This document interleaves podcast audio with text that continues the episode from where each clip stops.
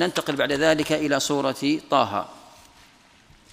ذكر المؤلف فيها آية واحدة. وهي أيضا تتعلق بالآداب والأخلاق وليست صريحة في الأحكام. وإن كان هناك في سورة طه ما هي ما هو يعني ما هو من آيات الأحكام الصريحة لكن المؤلف لم يذكرها. آه، هنا يقول آه، قال الله عز وجل ولا تمدن عينيك إلى ما متعنا به أزواجا منهم زهرة الحياة الدنيا لنفتنهم فيه ورزق ربك خير وأبقى. هذا فيه أنه ينبغي الإنسان ألا يطيل أو ألا يطيل النظر على وجه الاغترار في هذه الدنيا والإعجاب والافتتان بها. إذا كان ولذلك نهى الله سبحانه وتعالى قال لا تمدن لا تطيل نظرك على وجه الإعجاب والاغترار بهذه الدنيا والافتتان والافتتان بها. قال إلى ما متعنا به أزواجا منهم. المراد بالأزواج هنا الأصناف المختلفة. من من من من من يعني من من يعني جمال الدنيا وحسنها وبهاء وبهاء هذه الدنيا من المأكولات ويعني ومن المفروشات ومن الأماكن ومن المجالس ومن المراكب ونحو ذلك. هذه الأزواج المختلفة لا تغتر بها فإن ما عند الله خير. لماذا نهى الله سبحانه وتعالى عن الاغتراب بالدنيا وعن الافتتان بها؟ لأن الإنسان إذا انغمس في هذه الدنيا وافتتن بها وانشغل بها صده ذلك عن ما هو خير له في الآخرة. فقد يكون آه، هذا سببا في غفلته عن الآخرة وتقصيره في حق الله عز وجل.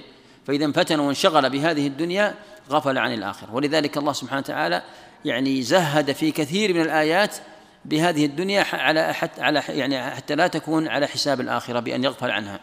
وهذه كلها يعني التي ذكرها يقول زهرة الحياة الدنيا أي جمالها وزينتها آه، لنفتنهم فيه. ولذا هذا يدل على أن جمال الدنيا والاغترار بها فتنة فتنة. ولذلك قال الله عز وجل لنفتنهم. فهي فتنة يفتن بها المسلم. وقال ورزق ربك خير وأبقى. يدخل في ذلك الرزق الحسي ويدخل في ذلك الرزق المعنوي من الطاعات. لأن ما الدليل على المقصود أيضا الرزق يدخل فيه العموم؟ الحسي والمعنوي. أولا الحسي لأنه قابله بما قبله وهو أصناف الدنيا وجمالها وأزواجها والرزق الآخر قابله بما بعده. وهذا من من التأمل في الآيات في سياقها ولحاقها. شوف سياقها يتح... في في في سباقها وسياقها. فسباق الآية يتحدث عن عن عن الرزق الحسي وهو الدنيا وما فيها من من من جمال ونحو ذلك.